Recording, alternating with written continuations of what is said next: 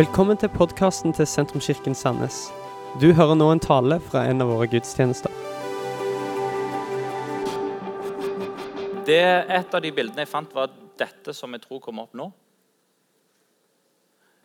Hvis du ser nøye etter, så ser du at det er meg. Det, det er eh, opptil flere kilo mindre av meg. Jeg tror jeg veide 60 kilo på det bildet der. Eh, dette er da altså fra eh, Himalaya-fjellene. Eh, med ekte hippiebukser og, og ei sånn fjell, fjell, Nei, fjellklatrehakke. Eh, ishakka heter det vel. På 4000 meters høyde. Nå skal det sies at Vi kom oss aldri til toppen. Eh, toppen var kanskje 3500 meter over. De høyeste toppene lurer jeg på var 7300 meter. Eh, og eh, der vi kom oss fram, det var til en isbre. Nå var det snø overalt og, eh, og utenfor isbreen. Eh, og i den grad en kan si det å være på en isbre på 4000 meters eh, høyde med 7000 meters topper rundt den, at det var en topptur, Eh, så ja, La oss kalle det en topptur. Vi var på en topp på 4000 meter. Og det var, vi, vi, brukte tre dager opp og tre dager ned. Seks dager opp i fjellet for å komme på den, på den toppen. det var en opplevelse av å ha oppnådd noe. Eh, det var bære tungt, det var gå langt. Det var òg å spise lite. For han som leda turen, hadde planlagt litt for lite mat. Eh, en av grunnene til at jeg veide 60 kg på slutten. Eh, og det er Det er deilig å være på toppen, men det er nødvendigvis ikke toppen som er turen. Turen en husker etterpå, eller det en husker etterpå, iallfall det som jeg husker fra denne turen, det er at jeg så to jerver. Eh, det er at det der flaksa kongegribber over oss nesten konstant. Det er en landsby eh, på 3000 meters høyde. Vi måtte gå i to dager til fots. Og så er det en landsby der hvor det bor mennesker, og, eh, og de, de, dyrker korn og forskjellige greier. Det er at Jeg måtte bære to sekker, for hun ene jenta på teamet hun orka ikke bære den lenger. Eh, og det er at eh, på, denne, på, på veien opp til denne, eh, denne her eh, isbreen så var det en kafé eh, langs stien der vi stoppte, kjøpte kaffe og Pepsi. Eh, flere dagsmarsjer inne i Himalaya-fjellene. Det er turen som er minnet, og det er turen som er store. Men toppen som du sikter på, er det som definerer hvilken tur du får. Det er klart at det at vi sikta på den toppen, ja, i den grad 4000 meter når det er 7000 eh, meter til, eller 3000 meter til opp, i den grad det er en topp, men det er der vi sikta på det, er det som ga oss turen. Jeg liker å se på livet som en klatretur. og Hvis du ikke liker å klatre, så kan du gjerne se på livet som en tur eller som en reise. Og Da vil det være sånn at det som en sikter på, det som er siktemålet for turen, det definerer hele turen. Det som er toppen som en begynner å klatre opp mot, det definerer hele klatreturen. Det som er målet for roadtrippen, det definerer hva slags type tur eh, som en får. Stephen Covey, som er amerikansk lederskapsguru og selvhjelpsguru, og som var en av de første som begynte å skrive type selvhjelpsbøker, han, han, snakker om at den som ønsker å utrette noe i livet sitt, eh, må alltid begynne med slutten. Eh, begynne med å definere hva er måloppnåelse. Hva er det egentlig jeg ønsker med livet? Og så snakker han videre om at Det vil jo være veldig trist hvis en ser på livet som en klatretur. At en begynner å klatre opp et tre, for så å komme opp på toppen av det treet og så finne ut at det var jo feil tre. Eller, eller, enda verre, en klatrer opp treet en kommer helt til toppen, og så ser en utover skogen og så sier nei, men det var jo ikke feil, det var ikke bare feil tre, det var feil skog.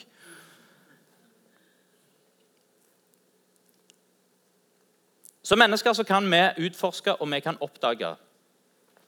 Uh, utforske det meningsfylte, utforske det gode. Men jeg tror ikke at vi kan skape det meningsfylte, og vi kan skape det gode. Universet er ikke meningsløst. Og vi skaper ikke mening for oss sjøl i dette universet. Universet har sannhet. Universet har lovmessighet. Og en matematiker, en fysiker, en kjemiker vil aldri skape lover eller skape sannhet. Det eneste en fysiker en matematiker kan gjøre, er å grave og lete og grave og lete og finne sannhet. Og finne lovmessighet. Lovmessigheten fins der i utgangspunktet. Matematikken fins der i utgangspunktet. Den skapes ikke, den oppdages. Uh, og det å være en forsker i den forstand, som leter etter sannhet er ikke, Nå skal jeg finne opp en sannhet. Forskere blir ikke kjent fordi de finner opp sannheter. Det var ikke, Einstein som fant opp uh, uh, som, som fant opp sannheten E er lik MC i annen. hva nå enn det betyr for noe. Eller det var ikke Isaac Newton som fant opp tyngdeloven. Men en oppdager det. En oppdager sannhet, og en oppdager lovmessighet. Og Det samme gjelder jo filosofer. Kan en filosof skape mening? Eller er en filosof en som leter og graver, og som finner og oppdager mening? Som menneske kan vi skape mening for livet vårt? Eller er det vi gjør, å lete og finne fram? Hvordan skal jeg leve livet? Hva skal jeg gjøre ut av livet mitt? Og i det å lete seg fram, så oppdager en, avdekker og finner mening. Og Du har hørt meg si det mange ganger før, og jeg synes det er så viktig at jeg vil si det igjen og igjen, at når vi røsker Gud ut av det norske samfunnet, så er det et problem som sitter igjen. Det er at vi, vi, vi røsker objektiv sannhet vekk sammen med Gud. For hvem skal nå definere hva som er sant? Eh, hvem skal definere moralsk sannhet? Hvem skal definere sannhet? Når en tar Gud vekk fra ligningen, hvem skal da definere hva som er mening? Er mening noe en finner, eller er mening noe en skaper for seg sjøl? Jeg viste bildet fra Himalaya-fjellene i India. Og I India så fins det mange mennesker som gjør ting særdeles annerledes enn det vi er vant til. Og En av de er Amar Bharti som er en sadu, altså en hellig mann, som i 1970 forlot sin kone og sine barn for å tjene Shiva. Og eh, Etter noen år, i 1973, så bestemte han seg for å løfte sin høyre hånd for eh, verdensfred. Eh, og eh, det har han gjort i 45 år siden da. Eh, hatt hånda si oppe. Eh, han, han, sier at det, første året så gjorde det vondt, og så slutta det å gjøre vondt. Eh, og nå, 45 år senere, så har den armen slutta å fungere. Han har skapt mening for seg sjøl. Eh, og kanskje har han gjort noe for verdensfreden òg. Hvem kan motsi det, egentlig? Kan vi skape mening, eller finner vi mening? Og Det er kanskje et ekstremt eksempel. Men jeg tror hvis vi er ærlige med oss sjøl, og hvis vi ser på hvilken vei vi vi velger, hvor ofte er det ikke at de sterke fortellingene i kulturen vår, at det som på en måte beveger seg i samfunnet vårt, at det er det som vi bare begynner å klatre etter? Vi klatrer etter helse, vi klatrer etter framgang, etter suksess. Eh, de tingene som er knyttet opp mot det gode livet. Eh, og Kanskje er det først når vi er på toppen av suksess, på toppen av framgang, når en har liksom klatra helt opp, det ikke går å komme så mye lenger, at en kanskje ser seg rundt og lurer på var dette rett tre, var det rett skog. Og Hvor ofte er det egentlig at en har tid til å sette seg ned og tenke litt sånn dypt over livet? Hva som er viktig? Jeg lurer på hvor ofte en, der er sånne type slogan som en eh, bare tar imot uten å tenke på det, som en tar valg knytta til. Eh, F.eks.: Jeg må gjøre det som er rett for meg. Eh, nå må jeg tenke på meg sjøl og hva som er best for meg. Det er sikkert bra, men det føles ikke rett for min del. En kan ta avgjørelser knytta til kanskje kjærligheten tok slutt. Jeg elsker han ikke lenger. Det føles ikke rett. Da lurer jeg på om en klatrer opp feil tre. Hva slags topptur er det vi velger? Hva slags klatretur er det vi tar? Og hva er det vi sikter på? For min del så har noe av dette her vært en av de viktigste oppdagelsene i troa og i livet. Det å finne ut av hva er toppen som jeg kan sikte på. Hvis du har Bibelen med, så kan du slå opp i Matteus 22 eh, og vers 34 til 40.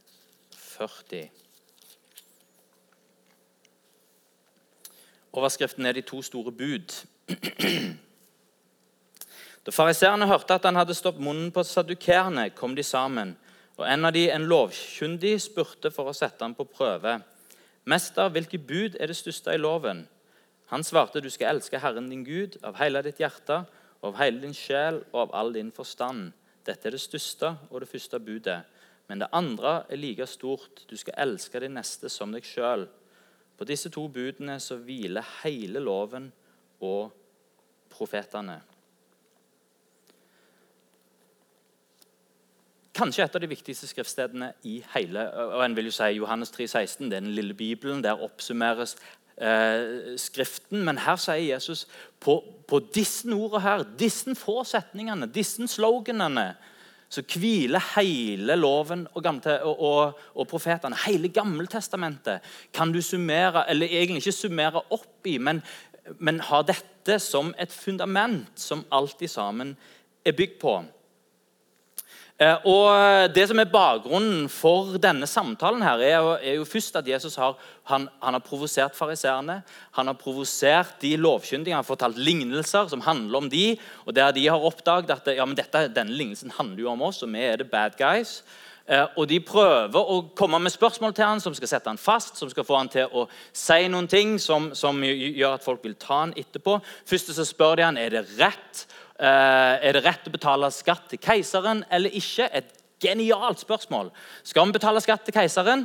Eh, og de fariseerne som spør, de vet at hvis Jesus svarer ja, ja, men da, da, er han jo, da er han jo plutselig en, en, en overløper som samarbeider med Roma, de romerske Eh, de romerske okkupantene.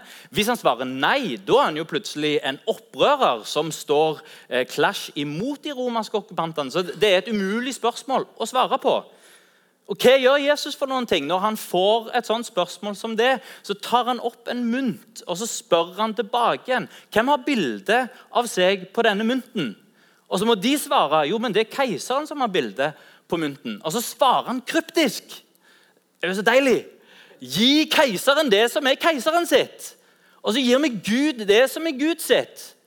Og vet du, Opp gjennom historien så er det mange kirkeledere som har hatt lyst til å bygge kirka bygd på eh, nei, som har hatt lyst til å bygge samfunnet med kirka. Og som har hatt lyst til å styre samfunnet gjennom kirka. Men vi må gå tilbake til Skriften og se hva er det Gud sier for noe. Gi til keiseren det som er keiseren sitt og gi til Gud det som er Gud sitt. Et skille mellom det verdslige og det hellige. Og det er jo en vakker sannhet. Så det Jesus gjør, er å ta det vanskelige spørsmålet som er stilt for å sette han på prøve og for å sette han til vekst, og så gir han et svar på det som er full av sannhet, og som det går an å bygge livet sitt på. Og Det er akkurat det som skjer her òg. Fariseerne og de lovkyndige de kommer til Jesus ikke for det de lurer på. Hva, er, hva skal jeg bruke livet mitt på? Hva er meninga med livet? Men de, de, stiller spørsmålet for å sette han fast. Hva er det største budet i loven? Og Det er akkurat det samme greiene hvis Jesus svarer eh, kom, her er det lovet, eh, eh her er det største budet i loven så kan de ta han etterpå. Ja, men da har du ikke respekt for resten av loven. Hvis han sier alle, eh, alle lovene og alle budene de er like viktige, ja, men da kan de angripe hans, eh, hans, undervisning, som viser at det som ikke er helt i tråd med det.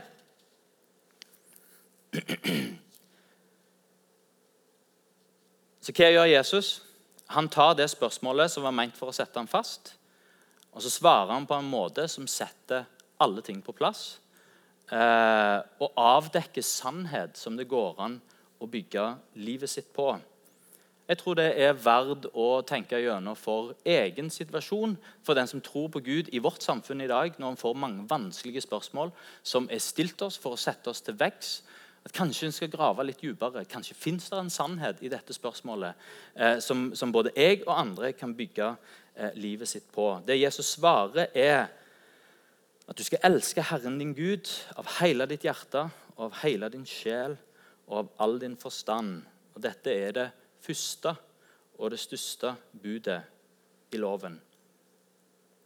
Det var faktisk ikke ukjent for fariseerne. Mange ville kanskje svart som Jesus på det spørsmålet. Det er henta fra 5. Mosebok, kapittel 6, vers 5.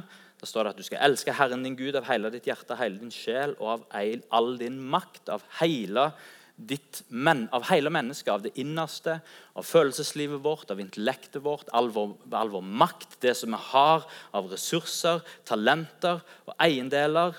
Alt i sammen skal vi bruke mot denne tingen og elske, eh, elske Herren, vår Gud. Kona mi Vesten fortalte, eh, fortalte til meg når eh, vi gifta oss og, og, og, og Vesten flytta til Norge at Gud kviskra til henne før hun flytta til Norge. Eh, en, en, en, enkel liten ting. Ikke fall for dette landets guder. Og Det er en sånn rar, eh, egentlig en sånn rar ting å høre Gud si før en skal flytte til Norge, et land som er kjent for å tilbe veldig få guder, eh, og der en er mer kjent for at folk ikke tror på Gud. Så det er jo ikke akkurat sånn at der er, folk faller ned for avguds for avgudsbilder. Eh, hva betyr eh, egentlig det? Hva er det å Og det tror jeg handler først og fremst om vårt forhold til hva vi setter over Gud. Hvordan vi forholder oss til penger og materiell velstand. Hvordan vi forholder oss til makt, karriere og posisjon. Hvordan vi forholder oss til kunnskap, til utdanning og til intellekt hvordan vi forholder oss til kropp, til skjønnhet og til sex. Ingenting av dette er jo ting som er galt i seg sjøl. Det er bra ting gitt til oss mennesker. Men eh, når en gjør, tar en god ting og en setter det over, sånn at det blir den tingen som en lever for, så er det det som Bibelen kaller for en avgud. En setter Gud til side, og så lever en for noe annet. Og Vesna sier at for hennes del så det har tatt lang, tatt lang, tid, så handler det om å finne ut at jo, men det er, hva er denne her? De gudene som vi ikke skal falle for, jo, det er det å stole på seg sjøl. Ta tilliten til Gud vekk, og så stole på seg sjøl og det som jeg har blitt gitt, og mine ressurser, eh, istedenfor. Å ikke falle for gudene i vårt norske samfunn kan ikke være å ikke bry seg om disse tingene. Nei, jeg vil ikke bry meg om penger, for det er så mange som er materialister. Nei, jeg vil ikke bry meg om utseende, for det er så mange som er så utseendefokusert. Jeg vil ikke bry meg om utdanning og det å, det å utvikle meg sjøl, for det er så mange som bygger livet sitt på det. Men det handler om å si Gud, jeg vil sette deg først. Du skal ha den første plassen i livet. Jeg vil elske deg først. Det er det første og det største. Alle disse andre tingene her de er bra, og de kan jeg gjøre, men jeg setter de unna deg, og jeg vil stole på deg først og fremst.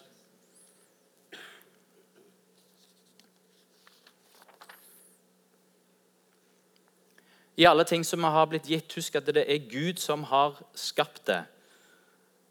Jeg kan tjene penger, men ikke glemme at det er Han som har gitt meg kraft til å tjene dem. Jeg kan utdanne meg, og jeg kan, kan, kan, utvikle meg, men ikke glemme at det er han som har gitt gavene. Det er han som har gitt meg mitt intellekt, og det er han som har gitt meg muligheten. Jeg kan kose meg over mange ting, men ikke la de tingene ha meg. Jesus han sier at det første og det største det er å sette Gud på toppen. Så jeg vil elske Herren min Gud av hele mitt hjerte og av hele min sjel og av all min forstand. Det er en av grunnene til at vi begynner denne, dette året her med å ha en bønne- og fasteaksjon. Fordi en vil sette det, det, fokuset i løpet av året, for året, at ja, Gud, vi vil ikke glemme deg i alt det som vi gjør, men sette av tid til å søke deg eh, og til å eh, ha det som en del av vanene eh, i, eh, i hverdagen. Så fortsetter Jesus med å etter ha sagt det er det første, det er det største, det er det viktigste, det er toppen som en sikter på. Det er, det er den retningen som livet tar. Og Så sier han noe som ikke fariseerne hadde hørt før. og som ikke er på en måte, Den koblingen fins ikke i Gamle Testamentet. Den koblingen gjør Jesus i dette spørsmålet. Han sier for det er, én ting som er like stort, og det er, og det er like viktig. Du skal elske din neste eh, som deg sjøl. Og for en vakker setning.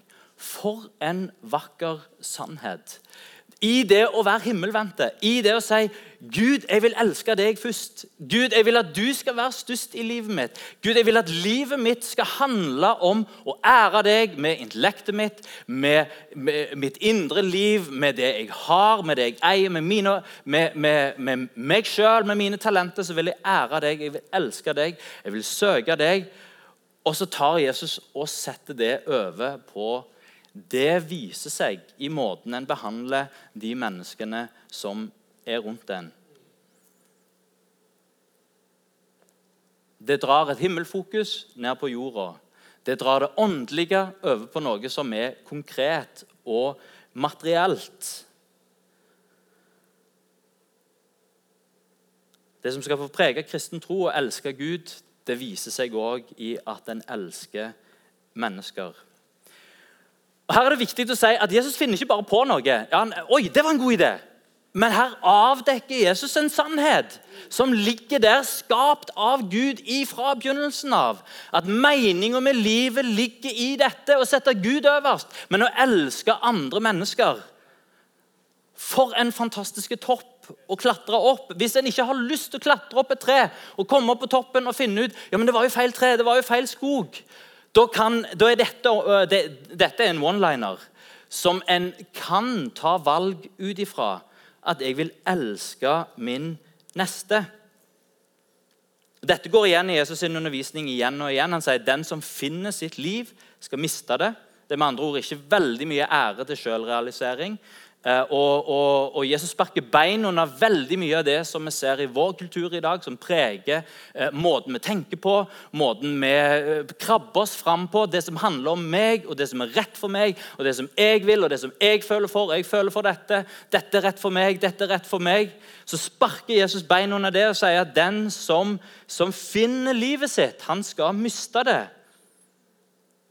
Og så fortsetter vi å si, det, og, og det høres helt sånn intuitivt feil ut, men den som mister sitt liv for min skyld, han skal finne det.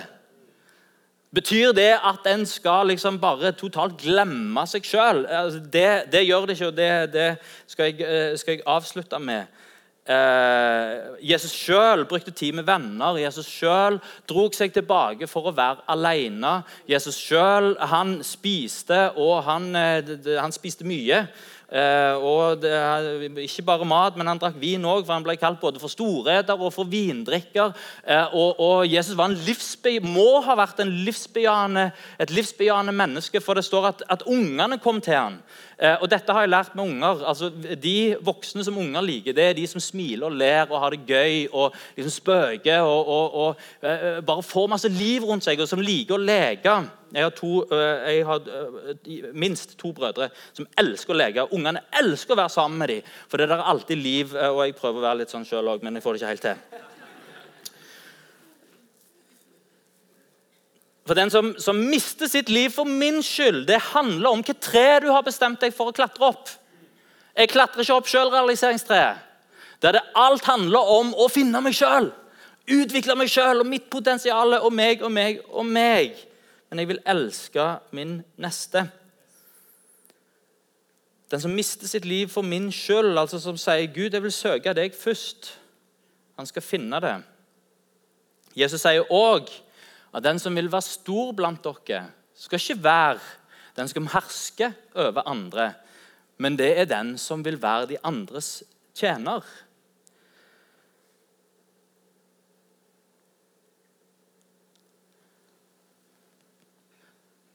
Hvis du har skjønnhet og utseende med deg, hvis du har penger og makt, hvis du har karriere og dyktighet, hvis du har kunnskap og intelligens, hvis du har humor og sosial kompetanse Ingenting av dette er galt.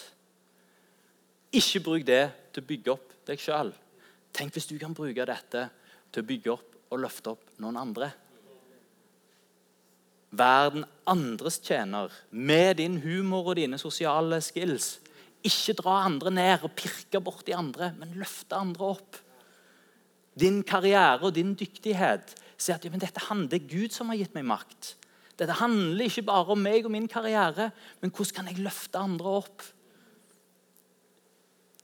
Min kunnskap og min intelligens er ikke der for at jeg skal briljere og vise hvor smart jeg er, men hvordan kan jeg løfte andre opp med det som Gud har gitt til meg? Alt kan jeg bruke for å bøye meg ned og løfte andre opp. Og da sier Jesus da er du stor. Ikke sikkert du er stor i alle andre sine øyne, men da er du stor i Guds øyne, og da er du virkelig stor. Her oppdager en mening. Paulus oppsummerer Jesus' sin undervisning med én setning som vi ikke ser i evangeliene. Og det kan hende at, det, at Jesus har sagt dette, Eh, og at det eh, har eh, vært en, en, en muntlig ting som har, har spredt seg, og som Paulus har, har fanget opp. Eller så har Paulus gått gjennom Jesus' sin undervisning og oppsummerer Jesus' sin undervisning i en enkel setning. og Her har du òg et slogan som du kan bygge livet ditt på. Du kan grave og grave. Det er enkelt. Et barn kan, kan, kan si det, et barn kan leve etter det. En voksen kan, eh, kan, si det og leve etter det. Du kan grave, og du vil finne at det her er det sannhet. Det er saligere å gi enn å få. Dette er en one-liner som du kan bygge livet på. Som du kan dukke ned i, og som du vil oppdage gjennom et langt liv. Hvis du klatrer opp det treet så kommer du til toppen, og så ser du Ja, men det var jo sant! Det er, det er jo sånn! Vi snakket sammen i familien vår eh, i helga eh, og la fram et dilemma. Eh, og, og det, det, det, var et utfordrende dilemma. Jeg spurte døtrene mine eh, ok, Hvis du fikk valget 10 000 kroner som du bare har lov å bruke på deg sjøl, kun på deg sjøl, ingen andre, bare deg sjøl, eller 100 000 kroner som du bare har lov å bruke på andre, ikke på ingenting på deg sjøl, bare andre, hva vil du ha? Og det var vanskelig! For Tenk på alt som jeg har lyst på. Og, det, eh, og alt jeg har lyst på, det får jeg for 10 000 kroner når du er ti år. Eller 100 000 det er så stort tall at det, det, det klarer du nesten ikke å, å liksom eh, få, få hodet rundt hvor stort det er. Og så når liksom, når, Først så var det ja, men selvsagt er det 10 000 til meg sjøl. Men liksom, tenk litt grundigere. Tenk, Det som jeg har lyst på, det kan jeg gi til alle i klassen. Det kan jeg gi til alle i familien min. Tenk så glad jeg, tenk så populær jeg blir. Tenk så mange som har lyst til å være med meg. Og så er det ikke så opplagt likevel. Men jeg tror at instinktet vårt sier går mot de, instinktet vårt går mot de 10 000 til oss sjøl. Sånn, først, bang, så er en der. Så må han tenke litt dypere. Ok, en kan si, Er det 10 000 til meg sjøl eller 10 000 som jeg kan gi til andre? Hva vil jeg egentlig mest ha? Muligheten til å velsigne noen andre eller muligheten til å velsigne meg sjøl? Tenker det er verdt å tenke litt dypere på. Er det virkelig sant? Det er saligere å gi enn å få. Saligere å gi kjærlighet til andre. For da skal han sjøl være lykkelig. Når Jesus, her, når, når Jesus setter tro, tro, på Gud og kjærlighet til Gud sammen med kjærlighet til mennesker, da skjer det noe med det å være en kristen og det å være en troende. Og det skjer noe vakkert. For da kan jeg være glad i ektefellen min og det er en gudstjeneste. Jeg kan være glad i ungene mine, og det er en gudstjeneste. Jeg kan gjøre noe for naboen min, og samtidig gjør jeg noe for Gud. Jeg kan bry meg om mennesker rundt meg, og det er en del av troa mi. Og troa blir særdeles konkrete. Å være åndelige og elske Gud, det viser seg i noe som en gjør for de menneskene som er i ens verden. Thomas Aquinas, som er middelalderteologen og filosofen, eh, han definerer kjærlighet som dette. Det handler om å ønske andre vel. Og Når føler andre seg vel? Når føler og merker folk kjærlighet? Det gjør de når vi lytter oppmerksomt. Når vi setter oss ned og virkelig er nysgjerrig på et annet menneskes liv og spør hva er din historie, og virkelig lytter etter, eh, hører etter når han forteller historien sin. Det er når vi viser omsorg i en vanskelig situasjon. Ser du noen som har det vanskelig, og du tenker og føler med dem, så, så er det, det er jo kjærlighet. Men det merkes jo ikke. Men når du gjør noe med det som du føler, så merkes det hos den andre. Det er når vi gir en uventa gave eller en uventa oppmuntring. Og Jeg har tatt meg selv i det så mange ganger at jeg tenker en fin tanke om noen. Jeg tenker en oppmuntring som stopper i hodet mitt, og som ikke kommer ut, ut munnen. Men når vi gir den oppmuntringen, når vi gir den gaven som en tenkte på, så merkes det hos den andre. Og vi merker det når vi deler et måltid. Det gode liv, det leves å gjøre noe for andre.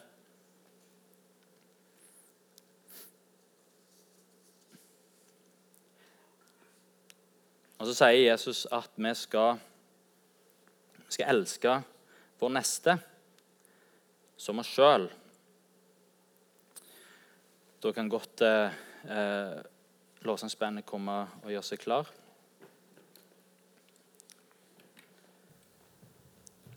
Kjærlighet til Gud og kjærlighet til andre er ifølge Jesus noe vi kan vise i den grad vi er glad sjøl.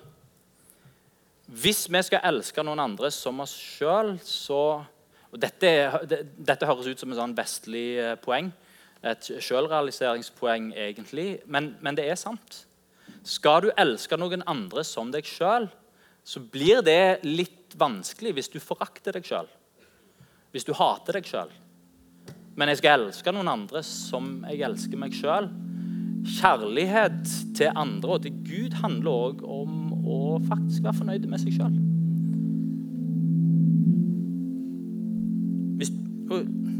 Det er et dårlig utgangspunkt å ikke like seg sjøl og gi kjærlighet til andre. Da blir det gjerne sånn selvutslettende kjærlighet. Så det er ingen motsetning mellom å elske seg sjøl og å elske sin neste.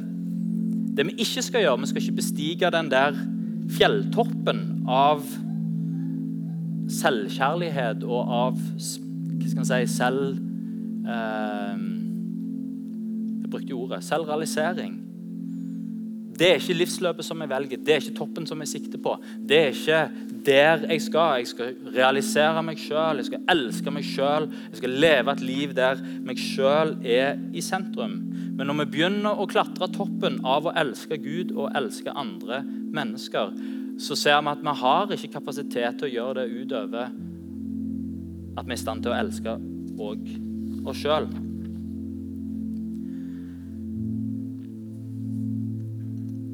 Paulus sier dette om, eh, til ektefeller, at en skal ha omsorg for sin ektefelle som en har omsorg for seg sjøl. Paulus sier det òg til kirkeledere at de skal ta vare på seg sjøl og på læren. Og gjennom det så frelser en seg sjøl og andre. Flyverter og flyvertinner de sier akkurat det samme. De sier først, I tilfelle det er en nødsituasjon, først ta på oksygenmaska på, eh, på, eh, på ungene. Og hjelp Nei, feil. Først tar du oksygenmaska på deg sjøl. Så hjelper du ungene. Fordi med å ta vare på seg sjøl, så tar du vare på de rundt deg. For når du har tatt vare på oksygen til deg sjøl, så kan du ha fokus på å gi oksygen til de som er svakere rundt deg. For å kunne gjøre noe for andre, ta vare på deg sjøl. Gjør som Jesus. Bruk tid alene. Måltid sammen med venner. Nyt livet. Ha det fint med deg sjøl og med livet ditt. Jeg tror dessverre i Og i Norge så fins det sjølforakt og sammenligning, kanskje særlig, som trykker oss ned. At eh, jeg er ikke sånn som hun. Da er jeg litt mindre verdt. Eller jeg er ikke sånn som han. Jeg får det ikke til. Og så sammenligner vi oss på sosiale medier. Vi er flinke til det. Kanskje det har blitt litt mindre av det, forhåpentligvis. Men vi sammenligner oss sjøl, og så kanskje ser vi på det en sammenligner andre sine topper med sine egne liksom, daler, eh, og så, og så blir det veldig vanskelig. Vær stolt av den som Gud har skapt deg til å være. Norsk leksikon sier dette. Guds kjær og dette er eh, under kjærlighet i norsk leksikon. Guds kjærlighet til mennesker og menneskers kjærlighet til Gud er en ikke-sanselig form. altså Den har ikke med følelser å gjøre. En ikke-sanselig form for kjærlighet som er frigjort fra det kroppslige. Det som vekkes og næres av at man forstår og erkjenner at noe er fullkomment eller har verdifulle egenskaper. Når jeg forstår at Guds kjærlighet til meg handler om at ikke at jeg er fullkommen. Vår kjærlighet til Gud handler om at Gud er fullkommen. Guds kjærlighet til oss handler om at jeg har verdifulle egenskaper. Der er noe, kanskje til og med mye, med meg som er verdt å elske. Jeg som jeg er, og du som du er, er verdifull i Guds øyne. Det gjelder ikke bare vi som sitter her, men det gjelder hver en skapning. Dette er utgangspunktet for menneskeverd. Dette er utgangspunktet for hvordan vi ser på andre mennesker. Det er noe i alle mennesker som er verdifullt, som er verdt å elske. Alle har verdi. Salme 139, 14 sier jeg takker deg for at jeg er så underfullt lagt. Underfull er dine verk, og det vet jeg godt. godt. Og kjærlighet, det begynner med Gud. Og det begynner med å ta imot den kjærligheten som han har å gi til oss. Gud, sier, så, eh, Guds ord sier at for så høyt har Gud elska verden at han ga. Og Gud elsker ikke bare på tross av hvem vi er, men han elsker òg på grunn av hvem vi er. Dette var slutten på denne talen. Håper du har blitt inspirert. Om du har lyst til å vite mer om hvem vi er, eller hva vi gjør, eller har lyst til å høre flere podkaster, så kan du besøke vår nettside sentrums.no.